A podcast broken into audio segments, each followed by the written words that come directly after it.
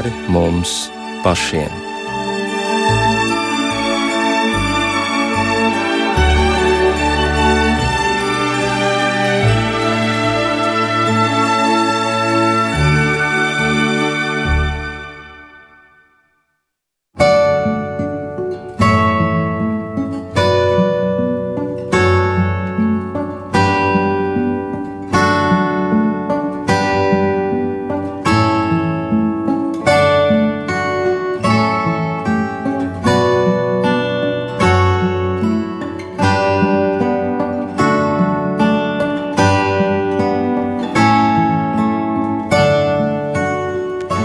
Esiet sveicināti šajā pirmo Ziemassvētku vakarā raidījumā pāri mums pašiem, lai ir slavēts Jēzus Kristus. Studijā Inte Zēgnere par skanējumu rūpējas Kristaps Eida, sveicam mūsu klausītājus Kristus dzimšanas svētkos un sveicam arī mūsu viesus šovakar studijā Latvijas evaņģēlas kultūriskās baznīcas bīskapu emeritus Pāvelu Brūveru. Labvakar! Labvakar! Priecīgus Ziemassvētkus! Paldies! paldies. Un priecīgus Ziemassvētkus vēlu un studijā sveicu arī Salaspils katoļu draudzes prāvestu Ilmāru Tolstavu. Labvakar! Labvakar! Paldies, ka šajā svētku vakarā mērojāt ceļu uz studiju. Protams, ka Ziemassvētki tas ir dāvanu došanas un arī saņemšanas laiks, tā kā arī jūsu atrašanās šeit, varētu sacīt, ir dāvana. Un, protams, ka šis laiks rosina būt dāsnākiem, ar plašāku sirdi, un tāpēc arī šajā svētku vakarā nolēmām runāt par dāvināšanu, došanu un par dāvanām. Un cik daudz mēs par to varam lasīt eh, svētajos rakstos, un ko nozīmē garīgas dāvanas, un kāpēc dievam ir vajadzīgas mūsu dāvanas. Par to visu runāsim šovakar. Bet Ziemassvētki ir vieni no skaistākajiem svētkiem pasaulē, un bieži vien tie saistās ar bērnību, ar tādu klusu svētvakaru. Protams, ar aizdegtām svecēm, meglis zaros, ar cerību. Kāda ir jūsu bērnības Ziemassvētki? Jūs atceraties, kas ir tas skaistākais, kas tajos ir bijis? Man tas viskaistākais vienmēr likās tā eglīte. ļoti patīkās eglīte, un kad iedēļ svecītes, tas bija tas brīnišķīgākais brīdis. Un tad arī kādreiz atnāca kādi tādi negaidīti ciemiņi. Un tad tas bija arī tāds reiz pat gadījās tā, ka tie ciemiņi nāca pārģērbušies pa eņģeļiem, un man likās, ka es tiešām esmu Ziemassvētkos sastapis eņģeļus, ka tie ir atnākuši un, un dziedāji. Tā kā, tā, tas ir man bērnības, tas jaukākās atmiņas par Ziemassvētkiem. Vai jūs gaidījāt dāvanas? Um, tādas nekādas lielas dāvanas mēs nesaņēmām. Mēs bijām sešu bērnu ģimene, tēvs bija ieslodzījumā, mamma viena pati, un mēs labi, ka bijām tā kaut, kādu, kaut kādas pīrādziņus, dabūjām kaut, kādas, kaut ko garšīgu tajā vakarā. Es eh, atceros, eh, es atceros vienreiz vienu dāvaniņu. Jā, tas bija eh, krāsu kastīte, sešām krāsām. Tādam, tas, tas man ļoti patīk. Un, un tad es tā, kopš tā laika es nodarbojos tā ar mākslu. Es esmu sācis arī gleznot, un, un, un tā man, man šī lieta man ir nu, kopš tā laika ir tā kā pieķērusies. Un tas nozīmē, ka jūs to darāt joprojām ar to gleznošanu? Tagad labu laiku neesmu to darījis, bet gribētu to sakot atsākt. Bet re, kā viena Ziemassvētkos uzdāvināta krāsu kastīte var Jā. kļūt par aizraušanos visu mūžu garumā. Kā Ilmāri ir ar tevi? Es atceros, ka bērnībā, protams, bija mazliet spriedze starp uh, Ziemassvētkiem un Jauno gadu, jo Es zinu, ka eh, tajā laikā, kad Latvija vēl nebija atguvusi neatkarību, tad eh, ļoti intensīvi svinēja jauno gadu, un Ziemassvētki bija tādi klusāki, tādi viņi arī nebija brīvdiena. Es atceros, kad eh, nu, es biju kaut kur ciemos. Un tad man bija tāds izbrīns, kad, nu, kā tas ir, kas svin Ziemassvētku. Jo mūsu ģimene arī atgriezās, tad, kad man bija 19 gadi. Mēs ieguvām šo ticību, žēlstību. Un es tieši atceros, ka tad, kad mēs sākām ticēt, uh, Tas jau bija jau Latvijas neatkarības atgūšanas laikā. Tad pilnīgi tā kā jauna lapus puse atklājās, ka ir Ziemassvētki. Ja? Kas agrāk, mm. piemēram, nu, īpaši, kad ir šie padomu laiki, bija visu laiku uzsvars uz jauno gadu, jauno gadu, un Ziemassvētki tādi klusāki un tiešām kaut kur tikai tie cilvēki, kas to zināja, kas ticēja. Nu, tas man tā, ja, ja es tagad skatos uz, tiem, uz to svētku svinēšanu, bet, protams, pārējais ir eglīte un, un dāvanas un, un, un, un salaveces, ja, kas tur nāk un tā tālāk. Tā kā visi tie, tie parastie, parastie tie simboli, kas jau bijuši. Un bērnības dāvana, ko nevar aizmirst, tev arī tāda ir bijusi. Varbūt arī kāda krāsa kastīte. Mm, nē, es nevaru. Bija ļoti dažādas dāvanas, bet kaut kā manā gadījumā es neatceros, ka es būtu kaut kā koncentrējies uz dāvanu. Man pat vairāk patika viss process viss kopējais process, kas notika, tā gatavošanās un braukšana pēc eglis, eglis izvēlēšanās. Ja. Tas arī bija liels notikums, kā mežā atrast to īsto, viskaistāko, ko egli viņi pēc tam izpušķot. Nu, tas bija tas eh, tāds eh, īpašs notikums. Tāda kopā būšana. Nu, tad lūk, mēs pievēršamies dāvanām, un ko tad mums par dāvanām atklāja svētie raksti? Piemēram, kā senatnē cilvēki izturējās pret dāvanām, kas skaitījās vērtīga dāvana, vai par to mēs kaut ko varam atrast vecajā derībā? Nu, es domāju, ka vecajā derībā pirmām kārtām mēs atrodam to, ka Dievs vēlas, lai tauta uh, dod viņam, tātad Dievs vēlas, lai tauta dod viņam to vislabāko no uh, dzīvniekiem, no augu valsts. Tātad tas bija saistīts, protams, ar upurēšanu, kad uh, Dievam bija jādod uh, kā vislabākais no, savas, no saviem darba augļiem. Un arī bija jādod noteikta tiesa. Mēs zinām, ka bija arī desmitā tiesa no visa. Ja?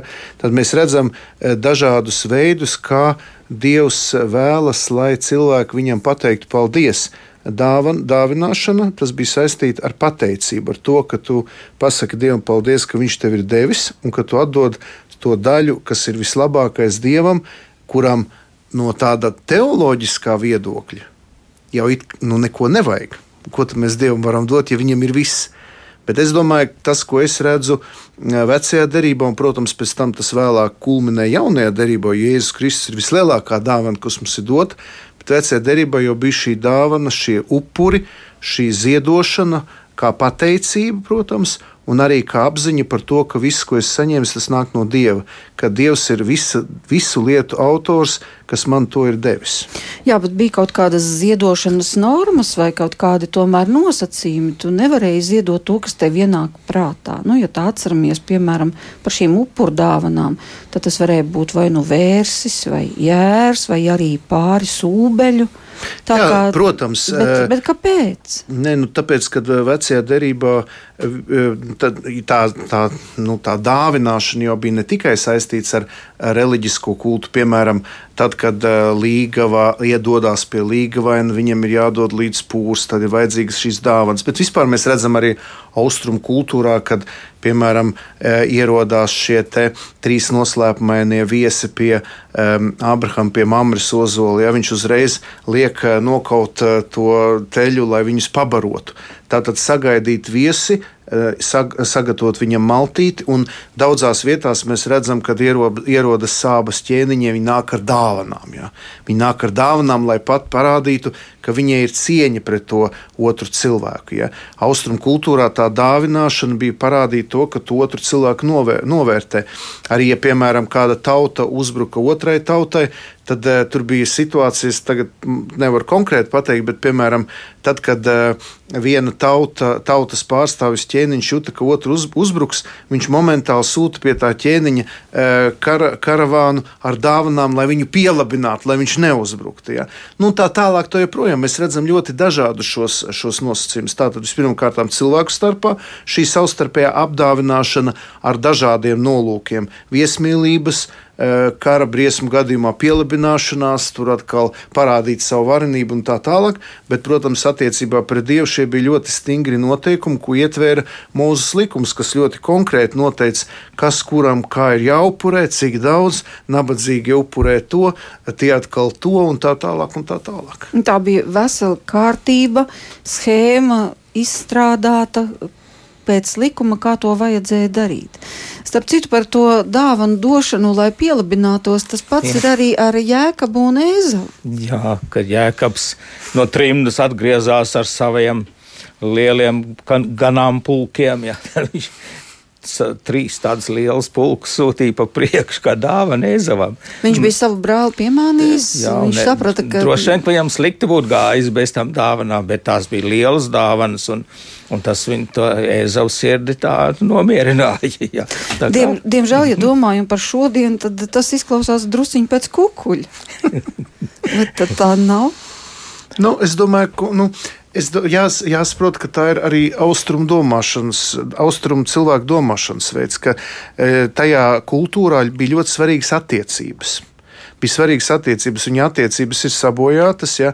Tas pats uh, Ābrahams un, un viņa brālis. Ja? Uh, tur daudzas situācijas mēs redzam, ka šīs attiecības nevienmēr bija gludas, un tad viņas bija jālabo, bija jāizlīgst. Ja? Bija, mēs arī zinām, Jāzeps un viņa brāļi. Ja? Tāpat tur arī ir šis attiecības stāsts, kad ir, viņi ir nodarījuši pāri, ja? un tad vēlāk, kā Jāzeps ar viņiem rīkojās, tad viņi tur nāk, viņi, jo Jāzeps jau ir kļuvis varens, ja? Un tad viņi nāk, viņi ved tās dāvanas un tā tālāk. Es domāju, tas ir ļoti svarīgi, ka dāvana nav vienkārši tikai tāpēc, lai es viņu saņemtu un par to tīksminātos, bet katrai dāvanai jau līdz arī vēstījums, eh, ko mēs ar to gribam pateikt. Arī upurim tāpēc ir šis vēstījums, piemēram, pirmzimušais. Tā tad visvērtīgākais. Tas ir Nevarē, jādod dievam. Jā, kas jādod dievam. Nevarēja tā vienkārši, kas pagadās. Tur jau tajos noteikumos ir ietverts vēstījums svarīgs eh, tas vēstījums, ko eh, cilvēks vēlas ar to pateikt, un ko Dievs arī tur ielicis, lai cilvēks parāda cieņu pret Dievu, un arī eh, lai parāda to, ka cilvēks apzinās, ka viss, ko viņš ir saņēmis, tas nāk no Dieva. Nu, jā, šajā ziņā tas visdramatiskākais upuris bija Īzaks. Mm. Ne, kad, kad Abrahams bija gatavs savu dēlu upurēt. Ja? Jā, bet ar dāvanu pieņemšanu un dāvanu došanu, piemēram, arī vecajā derībā mēs zinām stāstu par Kainu un Ābelu. Būtībā starp šiem diviem brāļiem izcēlās šī nesaskaņa un radās skaudība tieši tāpēc, ka Dievs viena brāļa dāvanu pieņēma, otra nepieņēma. Un tad kāpēc mums ir vajadzīgs šis stāsts un ko tas mums māca, šis notikums? Un par ko mēs te varam domāt? Un taču Dievs varēja pieņemt šo abu brāļu dāvanas, un nebūtu bijis šāda konflikta.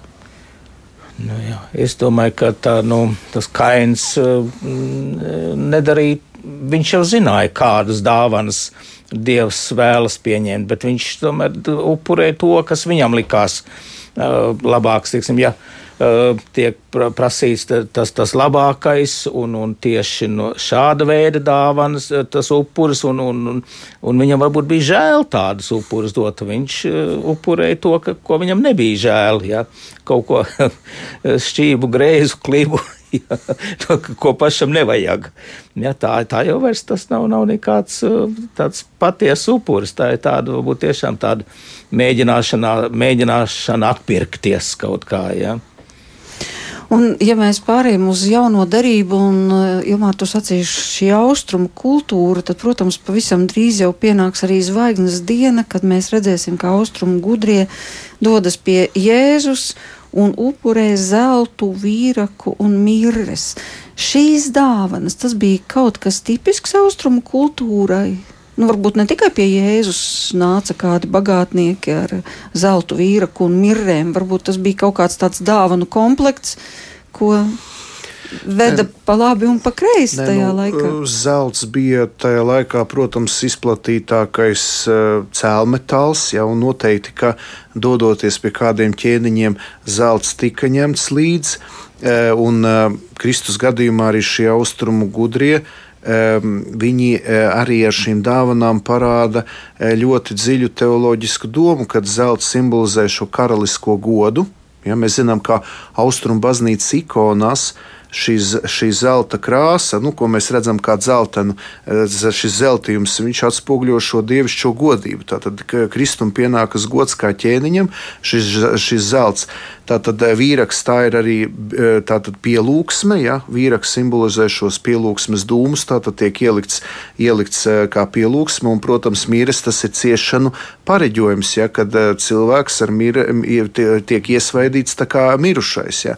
Tā kā es domāju, tie ir, protams, tādi simboli, bet ļoti bieži pie ķēniņiem devās ar dāvanām, kas bija ļoti dažādas. Tie bija nu, tā laika visvērtīgākās lietas. Tur bija nezinu, citreiz koku materiāli, citreiz tur bija arī dzīvnieku ganāmpulki, ja, kā mēs šeit arī redzējām, ka nu, tas bija vis, visvērtīgākais, kas bija. Bet tās situācijas, kurās devās pie šiem ķēniņiem ar dāvanām, bija ļoti dažādas, un arī motīvi, kāpēc viņi devās, bija dažādi.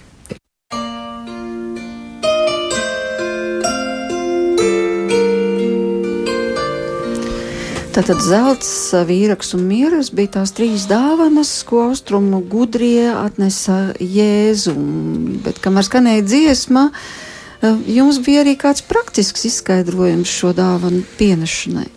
Jā, es jau domāju, ka tomēr tā simboliskā nozīme būs laikam tā, tā paties, tas patiesais skaidrojums, bet eh, es esmu dzirdējis tādu skaidrojumu, ka tas ir tas praktisks bijis tāda nozīme tam, ir, kad eh, tas zelts ir tāpēc, ka, nu, nu Jēzus ģimenei bija tulīt jādodas bēgļu gaitās uz Ēģiptu, un tā, lai no kā viņiem būtu iztikt, tur gan, gan tais bēgļu gaitās, gan arī Ēģiptē dzīvojot. Ja. Nu, un tad um, vīraks uh, uh, tas atkal palīdz varbūt tādas uh, sliktu gaisu um, uzlabot. Ja, tur varbūt viņi joprojām tajā kūtiņā tur dzīvoja, un tur tas uh, gaiss droši vien nav tas labākais. Ar vīraku tad var to, to tā uzlabot. Un, un mirres tās ir atkal nu, tās vienkārši zāles, ar ko var uz, veselību uzlabot. Tā, tā viņa, tā, tās ir bijis tā nozīme šīm, šīm trim dāvanām, ko tie gudrie no austrumiem nesuši. Tā tad ir gan praktiska, gan simboliska nozīme, bet katrā ziņā austrumu gudrie zināja, ko dara. Ja, kurā gadījumā vecajā derībā arī, piemēram, nu, jāsaprot, ka tā Ārona cilts, kas uh, upurēja templī, viņi arī pārtika no desmitās tiesas ziedojuma. Tas bija ļoti praktiski. Viens, kad cilvēki deva dievam šo upurēju, to kaut kādus tos dzīvniekus un tā tālāk bet viņiem arī vajadzēja uzturēt šos tempļa priesterus, kas tika uzturēti no šiem nu, no, no tiem ziedojumiem. Ja?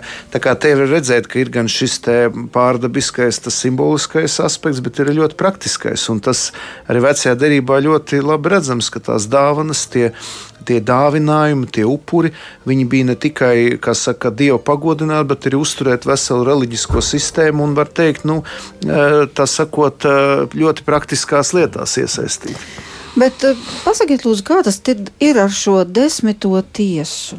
Mm, tāpēc, ka dažādās konfesijās ir arī par to dažādi uzskati. Nu, kā tas tad ir ar šo desmito tiesu? Ko tā desmitā tiesa īsti ietver, jo ir draudzes, kur tas ir ļoti konkrēti no visiem taviem ienākumiem, desmito daļu kalpošanai. Bet uh, te ir dažādi uzskati šajā sakarā, un kas par to ir galu galā Bībelē teikts? Eh, svētajos rakstos ir minēts šis desmitās tiesas princips, ja, kur eh, tiek aicināts cilvēki nodot šo desmito daļu no tā, kas cilvēkam pieder. Bet, uh, tā, es, tas, es atvainojos, tas, kas pieder, vai tā ir ikdienas nu, mēneša alga? Vai, nu, nu, vecajā derībā es nezinu, vai bija alga. Nu, es domāju, alga ka drīzāk no tā, kas cilvēkam ir. Bet uh, es teikšu tā, ja kāds cilvēks vēlas ziedot dievam uh, tur 10% piemēram no algas vai desmito daļu, nu ļoti dažādas koncepcijas. Es negribu tā iet dažādu draugu tajos uzskatos, bet es domāju, ka tas ir garīgais princips, kad man vajag nodalīt kaut kādu uh, daļu no savas dzīves, ko es vēlos atdot Dievam. Bet es gribu pateikt vienu lietu. Piemēram, es kā priesteris esmu devis savu dzīvi dievam, baznīcai, es dzīvoju celibātā, es esmu pak, nu, padots uh, bīskapam un tā tālāk.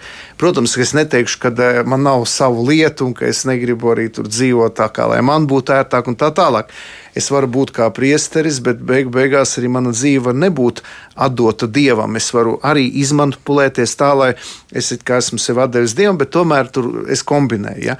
Tad desmitās tiesas princips ir tas, ka Dievs vēlas, lai pirmām kārtām es viņam atdodu savu sirdi, lai es būtu viņam kā dāvana. Bet, lai, eh, protams, man ir vajadzīgi arī līdzekļi sev, bet lai es skaidri apzinos, ka draudzēji, kalpošanai, garīdzniekam būtu e, nodalīta šī daļa, ko es atvēlu dievam un viņa kalpošanai. Mums, Katoļu baznīcā, nav tāds stingrs noteikums par desmito tiesu. Mums ir viens no baznīcas baušļiem, kurš saka, ka tev būs uzturēt baznīcu un tās kalpus. Bet, ja kāds man atnāk uz, uz draugu un iedod konvertē naudu un saka, lūk, šeit ir mana desmitā tiesa, desmit procenti, saku, paldies, ļoti priecīgs, e, tas ir tavs ziedojums. Ja? Nu, tā, tā būtu mana tāda, mans tāds skaidrojums. Jā, tas mums ir tā ļoti līdzīgi, un um, tā mums arī tiek, mēs tiekam mācīti to darīt. Jo tas, ir, tas nes lielu svētību. Un tiešām arī e, tas ir praksē pārbaudīts, ka tie, kas e, to desmito tiesu tiešām tā, tā ar prieku dod, nevis tā piespiesti, tiem vienmēr nāk atpakaļ. No kaut kurienes, nezinu, no kurienes. Ja? Bet eh, tas nekad nepaliek zaudētājs. Ja? Vienmēr atkal ir nāk īpaši dieva svētība, nāk šai, šai, šai desmitās tiesas dāvanai. Un, eh, un arī tad es atminu arī tā, ka mums kādreiz tādas nu, bija grūtības, kad mācītājiem samaksāt algu, dažkārt grūti, ja.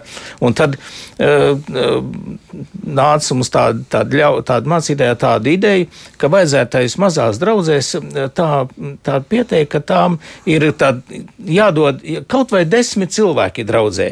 Tad tas mācītājs varēs dzīvot tieši tādā līmenī, kā tā draudze, ja katrs dos savu desmito tiesu, ja. Mm. Un tad tā visiem būs labi. Būs viņiem savs mācītājs, un viņi būs arī eh, guvuši arī savu svētību. Kā, eh, šis ir ļoti, ļoti tāds labs un svētīgs princips, kurš arī mums nav obligāts, bet tas ir ieteicams un, un tiešām ļoti, ļoti nes lielu svētību. Ir kāda nozīme vai, piemēram, Nu, es rīkojos pēc kaut kāda sava sirds impulsa, un es neskatos, vai tā ir mana desmitā tiesa, piektā tiesa, 28. tiesa, bet vienkārši es jūtu, ka vajag, es dodu, bet man nav nekādas grāmatvedības. Es neesmu aprēķinājis, ah, es saņemu tagad tik, izdalu šos 10%, un tad kārtīgi, kā grāmatvedis, arī tos 10% atdodu. Bet ka vienkārši es nerēķinu procentos, bet es vienkārši pēc sirds izjūtas dodu, vai tomēr Dievam patīk kārtība. Un daudz labāk būtu, ka tu dotu to desmito tiesu, un tad arī daudz bagātīgāk Dievs tevi svētītu. Jūs zināt, ka tagad jauniešiem e, iesaka mācīt mēdīju pratību, bet ir arī finanšu pratība. Un ir ļoti dažādi cilvēki, kā viņi plāno savu dzīvi. Ir tādi cilvēki, kas plāno iekrājumus veido, un tad viņi arī parēķina, ka viņam ir savs iekrājums, tur tas, un tad viņš izrēķina, ka to daļu viņš var noziedot draudzē un tā un tā. Bet ir tādi cilvēki, kas ir nu, pēc dabas haotiski. Nu, es, piemēram, neesmu tāds, un es nezinu, vai es varētu ieteikt cilvēkiem būt tādiem, jo tomēr ir labi, ka cilvēks Pat ja mēs esam ticīgi, tas nenozīmē, ka mēs tagad neplānojam, mēs tagad dzīvojam, kā mums ienāk prātā, un viss ir vienalga. Nu, cilvēkam ir dots arī prāts un arī kaut kāda nu, gudrība, kaut ko iekrāt, kaut ko atlikt, kaut ko plānot. Nu, to Dievs mums ir devis. Līdz ar to, kā jau arī šeit tika teikts, ka šis desmitās tiesas princips tomēr ir šis plānošanas princips, ka cilvēkam ir arī eh, sirdī miers un prieks, jo tad nav hausa. Viņi ir pat tādi, kuri, piemēram, draudzē ieraksta, ka viņi uzliek to e, ikmēneša maksājumu, ja, kas ir automātiski. automātiski. Mm. Viņš ieliek, viņš ir uzlicis, un viņš zina, ka tas aiziet dieva godam, baznīcas labumam un tā tālāk. Ja. Bet e, es zinu arī tādus, nu, cilvēkus negribu viņus saukt par haotiskiem, bet viņiem ir tāds dzīves stils. Viņi dzīvo tā, nu, tā mākslinieciski, viss kaut kas atnāk, tad atkal nekā nav. Tā. tā kā es nezinu, es domāju, ka es kā priesteris nevaru noteikt vai nosacīt, kā kuram ir jārīkojas, bet kā te tika teikts, ja cilvēks skaidri apzinās, ka viņš konkrētu daļu no saviem ienākumiem vai no tās, tās naudas, kas viņš atvēl dieva godam, baznīcas labumam, draudzē, tad ir eh, skaidrs eh, gan viņam pašam, gan kaut kādā ziņā arī draudzē ir skaidrs, ka būs šie ienākumi. Ja? Un es esmu vairāk par to, ka tomēr ir šī kaut kāda kārtība, kurai cilvēks tad eh, pakļaujas. Jā. Es vēl arī tā kādreiz esmu to piedzīvojis, ka arī daži tādi kristieši, sevišķi jaunatgriezti, kas lielā sajūsmā dod visu, nu gandrīz vai visu atdod, un paši paliek tad bešā un ģimene ir cieši. Un es domāju, šis desmitās tiesas princips tev pa, palīdz eh, nodalīt. Nevajag vairāk. Desmit.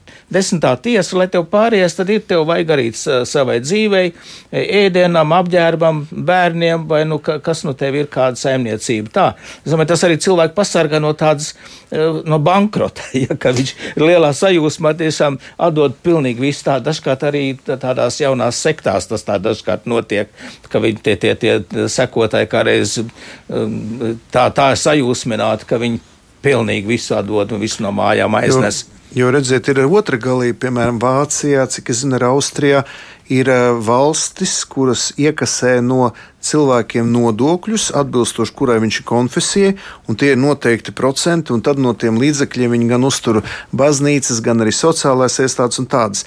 Un es esmu dzirdējis no cilvēkiem, kas no Latvijas aizbrauc uz Vāciju, viņi ir šokā, ka viņiem atnāk nodokļu liste, un tur ir arī baznīcas nodokļi. Un ir pat tādi arī no katoļu baznīcas, kas, kas pat stājas ārā no baznīcas, lai viņiem nebūtu šis nodoklis, jo viņi nevar ciest to, ka viņiem ir kaut kas obligāti jādara, ka viņiem ir noteikti kaut kāda takse. Ja?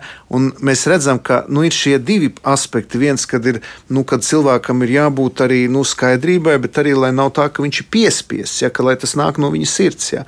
Tā kā mēs redzam, ka dažādās valstīs, dažādās um, baznīcās, dažādās konfesijās ļoti dažāda pieredze un pieeja, bet pats svarīgākais, lai cilvēks apzinās, ka viņš ar savu ziedojumu palīdz baznīca. Es varu teikt, pa salaspili mums bija ļoti smaga situācija, kas atnāca pirms trim gadiem. Nebija nosiltināts sienas, un cilvēki gada laikā man saziedoja 150 tūkstošus, ja, lai mēs varam nosiltināt sienas. Tāpēc es arī pateicu, kam mēs to visu vācam, kam mēs to darām, un cilvēki mobilizējas.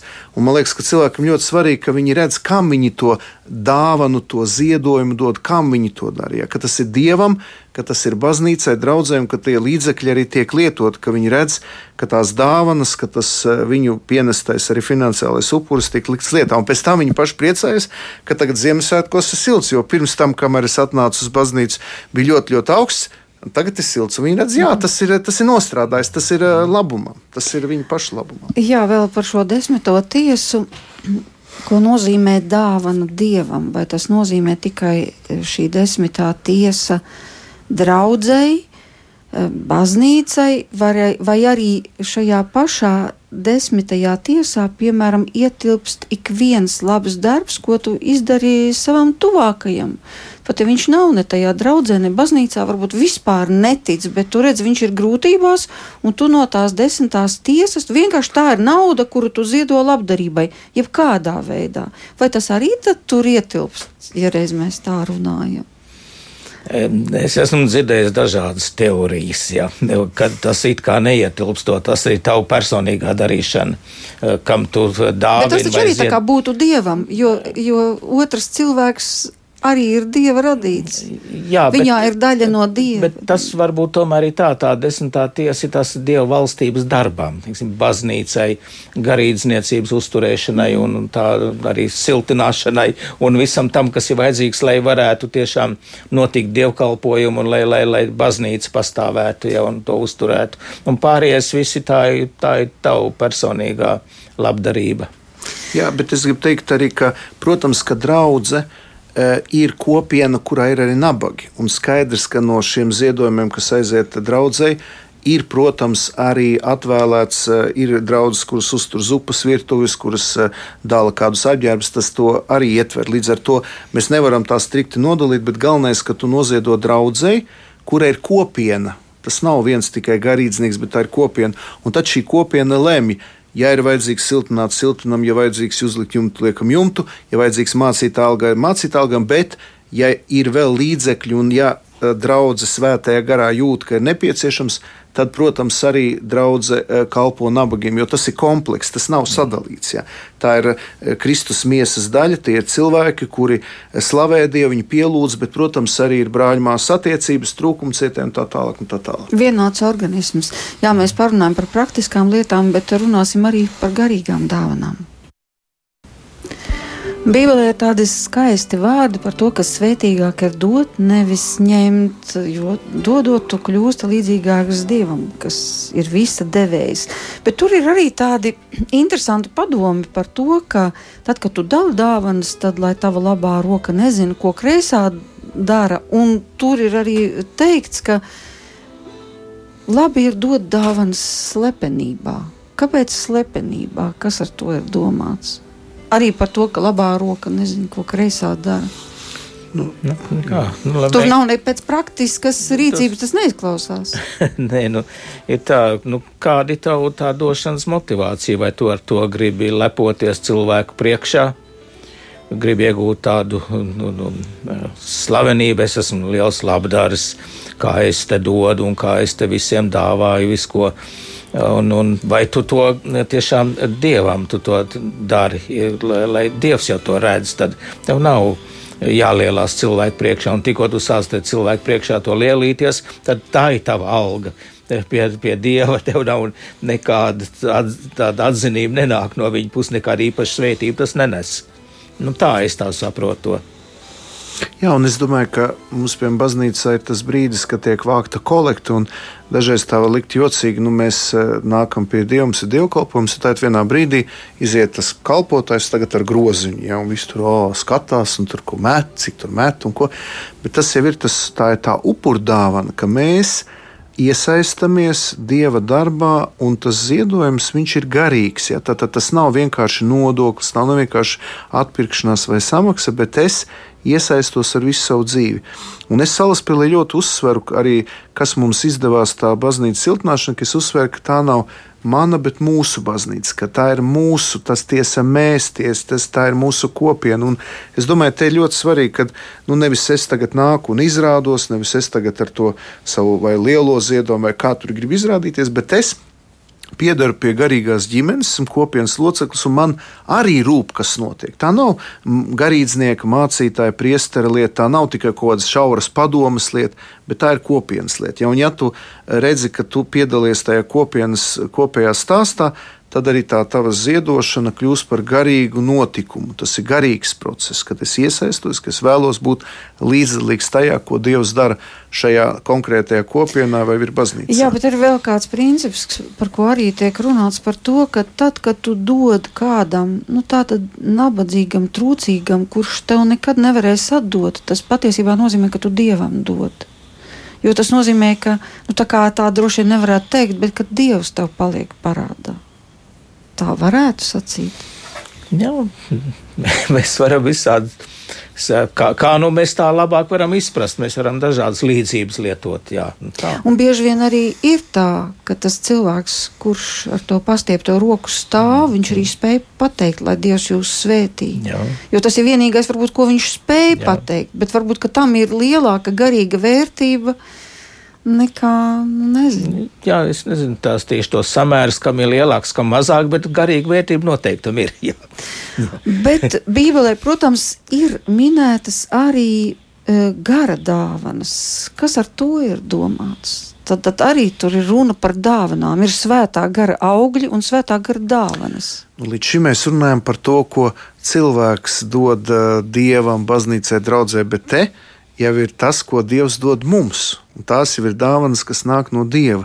Tā tad nevis tas, ko mēs paši nopelnām vai noziedojam, vai ko, bet tas jau ir tas, tā ir žēlastība, nepelnīt Dieva palīdzību, ko Viņš grib dot mums. Un tas jau ir tas, tā medaļas otra puse, tā otra daļa, ka Dievs arī vēlas mūs apdāvināt. Tikai Viņš gaida no mums tur desmitās tiesas, tagad maksājot, ziedot, ziedot, bet Viņš ir gatavs arī mūs apdāvināt. Un tas notiek par brīvu Un tas notiek, eh, protams, eh, ļoti noslēpumainā sadarbībā starp dieva gribu, dieva vēlmi iesaistīt mūs savos procesos, jo visas dāvanas ir domātas, lai pirmkārt mūs celtu garīgi, tuvinātu dievam, bet arī lai kalpotu. Un, protams, kad eh, mums ir vajadzīga mūsu atvērtība, nu, gatavība sadarboties ar tām dāvanām. Bet kādas tad ir tās dāvanas? Nu, pirmkārt, jau mēs paši varētu sacīt, esam dāvana ar to vien, viņš mums ir uzdāvinājis iespēju te būt un visu, kas mums pieder, tas ir no viņa, bet tomēr te ir runāts par svētā gara dāvanas. Kas tās ir par īpašām es, dāvanām? Es tā, tā to pieņemu, ka tās ir tie dažādi talanti, ko Dievs dod cilvēkam. Eh, vienam cilvēkam ir dot spēja mācīt, citam atkal ir spēja varbūt kādu iedrošināt, Citam atkal varbūt tieši tā, tā kā audzināšanas dāvana, cita muziķa dāvana. um, vai, vai atskaņotājs vai, vai, vai komponisti, ja, cik, kas tā ir pa izcilu dievu dāvanu, kā, kā tas mūs iepriecina un stiprina mūzika, dziesma, dzēja. Uh, nu, tās ir visas, tās ir gara dāvanas. Arī, un ir jau vēl lielākas dāvanas, kā pravieša dāvana. Ja? Tā ir tā lielākā dāvana. Ir arī tādas mazākas dāvanas, kā apustulis Pāvils par to rakstīja, ka tādu, um, kad cilvēki kādreiz tādās svešās mēlēs runā. Un, un, un citi arī par to saprot, ko viņi runā, un viņi māk iztulkot.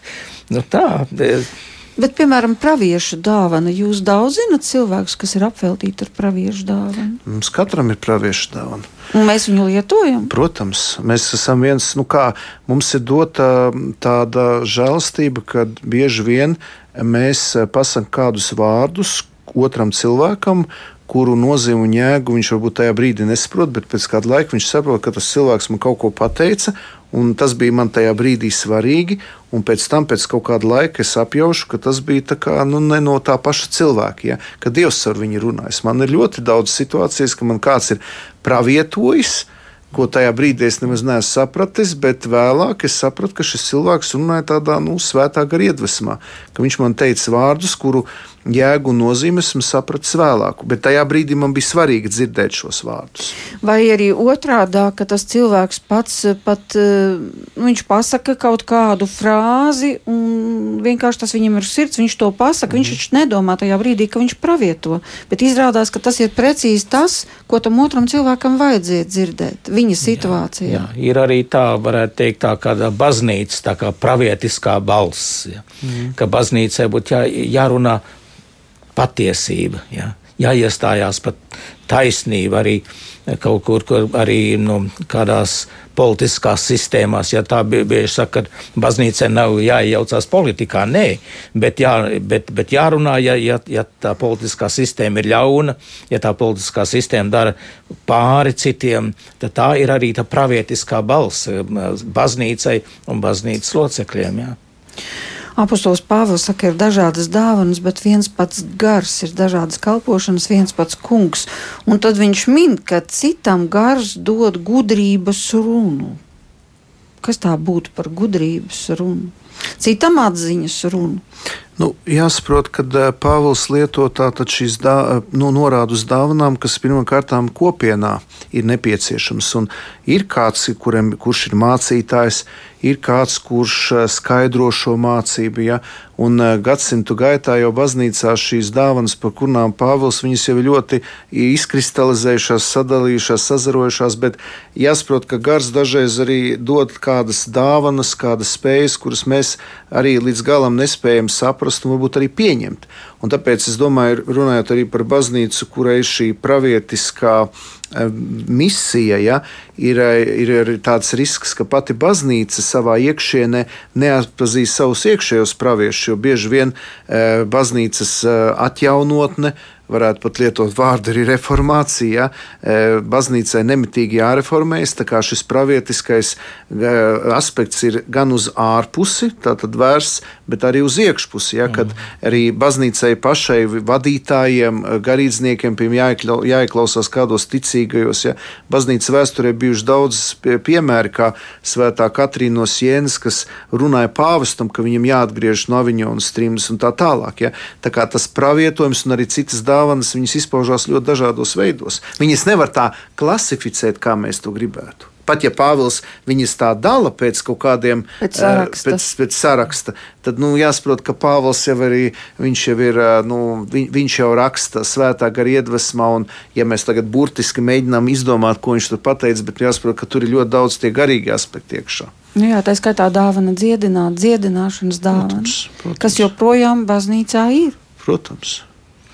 Notiek mēs, arī jā. dziedināšanas dievkalpojumi. Protams. Katru mēnesi. Mm. Mēs jau veltīgi neaizlūdzam par slimniekiem. Mēs ceram uz to dziedināšanu. Nav, nav jau arī tā, ka vienmēr tas uh, tūlīt notiek un tieši tā, kā mēs to esam iedomājušies. Bet, uh, bet uh, Dievs uzklausa draudzes lūgšanu. Jā, un Ziemassvētkos ir arī tāda populāra dziesma, jūs bērniņi nāciet ar priecīgu prātu. Un tur ir tādi vārdi, ak, pieņem mūs pašus par dāvanu sev. Nu, tā tad runa ir par Jēzu, pieņem mm. mūs kā dāvanu sev. Un jautājums ir, cik lielā mērā e, mums ir šī spēja sevi atdot Dievam kā dāvanu. Tas nozīmē atdot, atdot pilnībā, nu ir pat tāda lūkšana, kurā ir teikts, ņem manu dzīvi, ņem visu, kas man pieder, manus radiniekus, manu darbu, manu īpašumu, rīkojies, tas viss ir tavs. Un rīkojies pēc saviem ieskatiem. Un cilvēkiem ir bail no šīs lūkšanas, jo viņiem šķiet, ja viņi šī tā pateiks, tad viņiem simt punktu kaut ko Dievs atņems. Nu, tad, tad ir tāda aizdomās turēšana. Un tas ir iemesls, kāpēc kristieši ļoti daudz staigā noskumuši, jo viņi nespēja piedzīvot prieku, tāpēc ka viņi nav brīvi pa, attiecībās ar Dievu. Pāvils pirmajā vēstulē korintiešiem 13. nodaļā. Min dažādas dāvanas. Ja man būtu eņģeļu mēlis, es varētu visu kaut ko darīt, pravietošanas dāvanas, visas noslēpumus, atzimas dziļumus. Pat ja man, man būtu tāda ticība, ka es varētu kalnus pārcelt, ja es visu savu mantu izdalītu un miesu atdotu, lai varētu lepoties, bet ja man nebūtu mīlestības, nebūtu nekas. Un pati svarīgākā dāvana lielākā ir mīlestība. Un mīlestība mums dāvā Dievs, jo Dievs ir mīlestība. Līdz ar to var teikt, ka visu dāvanu atslēgu, atslēga ir mīlestība. Gan tad, kad mēs dodam, gan arī tad, kad mēs saņemam. Mīlestība ir tā, kas visu savēl kopā. Un tad jau, kad ir mīlestība, tad jau cilvēks vairs nekalkulē. Ja tu mīli, tad tu atdod sevi. Jā. Ja ir šī mīlestība, jo Dievs jau pats sevi, Dievs jau kļuva par vislielāko dāvanu. Ziemassvētkos mēs saņēmām mazo bērnu Jēzu, kurš kļuva mums par dāvanu. Tā ir vislielākā dāvana no Dieva. Viņš ir viss. Jēzus Kristus ir alfa un omega, lielākā dāvana, ko Dievs mums ir devis. Un viņš to darīja aiz mīlestības, jo viņš ir mīlestība. Un mēs atbildam uz šo mīlestību ar saviem darbiem, ar saviem ziedojumiem, ar visu to, kas mums ir. Mēs atbildam, tāpēc, ka mums ir mīlestība. Es saprotu, mīlestībā nav baiļu, bet ja mums ir bail eh, šādus vārdus Dieva priekšā izteikt, Tas nozīmē, ka nu, mums, nu, mums nav līdz galam šīs mīlestības, bet varbūt tad, bet, tas sanāk, varbūt, ka tā bumbiņa ir mūsu bet, pusē. Mēs sakām, nu ņem, es pamēģināšu tev uzticēties, nu ņem. Bet tās ir attiecības. Tās ir attiecības, un jāsaprot, ka arī tā ir pārdabiska žēlastība. Ka nevis mēs kaut ko darām, bet Dievs ir tas pirmais, kas ir iesācis šo ceļu. Šādu lūkšanu vispār var lūgt. Es tas domāju, ir riskanti. Es domāju, ka to vajag, vajag tā lūgt. Vajag lūgt eh, Dievam, lai Viņš dod šo mīlestības dāvanu, ka mēs eh, arī eh, ar prieku un labprāt arī tā lūdzam lai Dievs ņem mūs visu, lai visu, lai viss, kas man ir, viss mana dzīve, uh, mans laiks, lai, lai, lai viņš dara. Es, tas tas labākais, kas vispār varētu notikt manā dzīvē. Jūs esat tā lūdzu. Es tā, ar tādu apziņu dzīvoju. Jā. Un tur beidzās vairs rēķināšana. Tur ir. Jā. Protams, ka mēs visi esam ceļinieki un esam nepilnīgi. Un skaidrs, ka uh, Dievs no mums kaut ko prasa. Mēs sakām, nu nē, Dievs vēl nes gatavs. Dievs saka, nu labi, labi, labi. Es jau arī nemaz nesteidzos. Bet tad nu, atkal ir kaut kāds jautājums. Un tas notiek apusē, ja, kad Dievs respektē manu brīvību. Viņš respektē to, ka es esmu arī ar savām vēlmēm, un tur notiek šī savstarpējā sadarbība. Un tas ir gan tajā aspektā, ka man kaut kas dievam jādod jāupurē, bet arī tajā aspektā, ka Dievs man nāk palīdzīgā ar savām dāvanām, nu, nāk manī ar savām dāvanām. Un visu nosaka šī mīlestība. Un dāvanas ir dažādas, bet kā viņas izpaužas, tas ļoti dažādi. Nu, tā tad par šo atdošanu. Tad nebūtu jābaidās atdot. Vai varbūt tas ir iemesls, kāpēc arī cilvēki, kas ir ticīgi, var staigāt pāri gadiem, gadiem, gadiem, tāpēc ka viņi vēlas paturēt kontroli, ka nu, ne, nepienest savu dzīvi kā dāvanu Dievam. Nu, kontroli mēs paturēsim līdz nāves brīdim. Nebūs tā, ka mēs negribēsim kaut ko visu turēt savās rokās, bet Dievs pakāpeniski mūs atbrīvo. Viņš aicina mūs iet šajā brīvībā. Jā, ja, ja to Dievs tieši sirdī uzrunā, ka tev vajadzētu tagad eh, tā rīkoties, to dot, to darīt, un tad tu saki, nē, nē, to gan es nedarīšu. Tas, tas protams, būs, eh, tas beigsies slikti. Jo nekas nav cilvēkam labākais dzīvē, kā sekot Dieva aicinājumam, būt ar viņu kopā. Jo kas gan varētu būt, man taču ļoti gribētos būt ar kādu ļoti bagātu ar ķēniņu kādu, jā, kā būt draugos. ar viņu draugos, jā. Un kāpēc es baidītos ar Dievu būt draugos? Jā, nav, nav jābaidās. Ja viņš kaut ko dara, tad viņš dara tikai to labāko. Viņam vienmēr ir labas domas par mums. Viņš grib mūs tikai. Ne, mums varbūt kādreiz tāda sajūta ir, ka varbūt es labāk zinu. Ja? Tā, bet tā ir tāda muļķīga sajūta. Ja? No šīs muļķības vajadzētu atraisīties pēc iespējas ātrāk. Ja? Jo Dievs ir mīlestība, kā teica Priesteris Ilmārs. Nu, tad ar šiem vārdiem mēs arī noslēgsim šovakar raidījumu. Paldies, ka padalījāties ar savu dāvanu pieredzi. Paldies klausītājiem, kas bija šovakar kopā ar mums. Tātad mūsu studiju viesi bija bīskaps emeritus Pāvils Brūvers un priesteris Ilmārs Taustovs. Kopā ar jums šovakar bija Inte Zēgnere, par skanējumu rūpējās Kristaps Eida, lai jums priecīgs un skaists ir šis dāvanu došanas un saņemšanas laiks.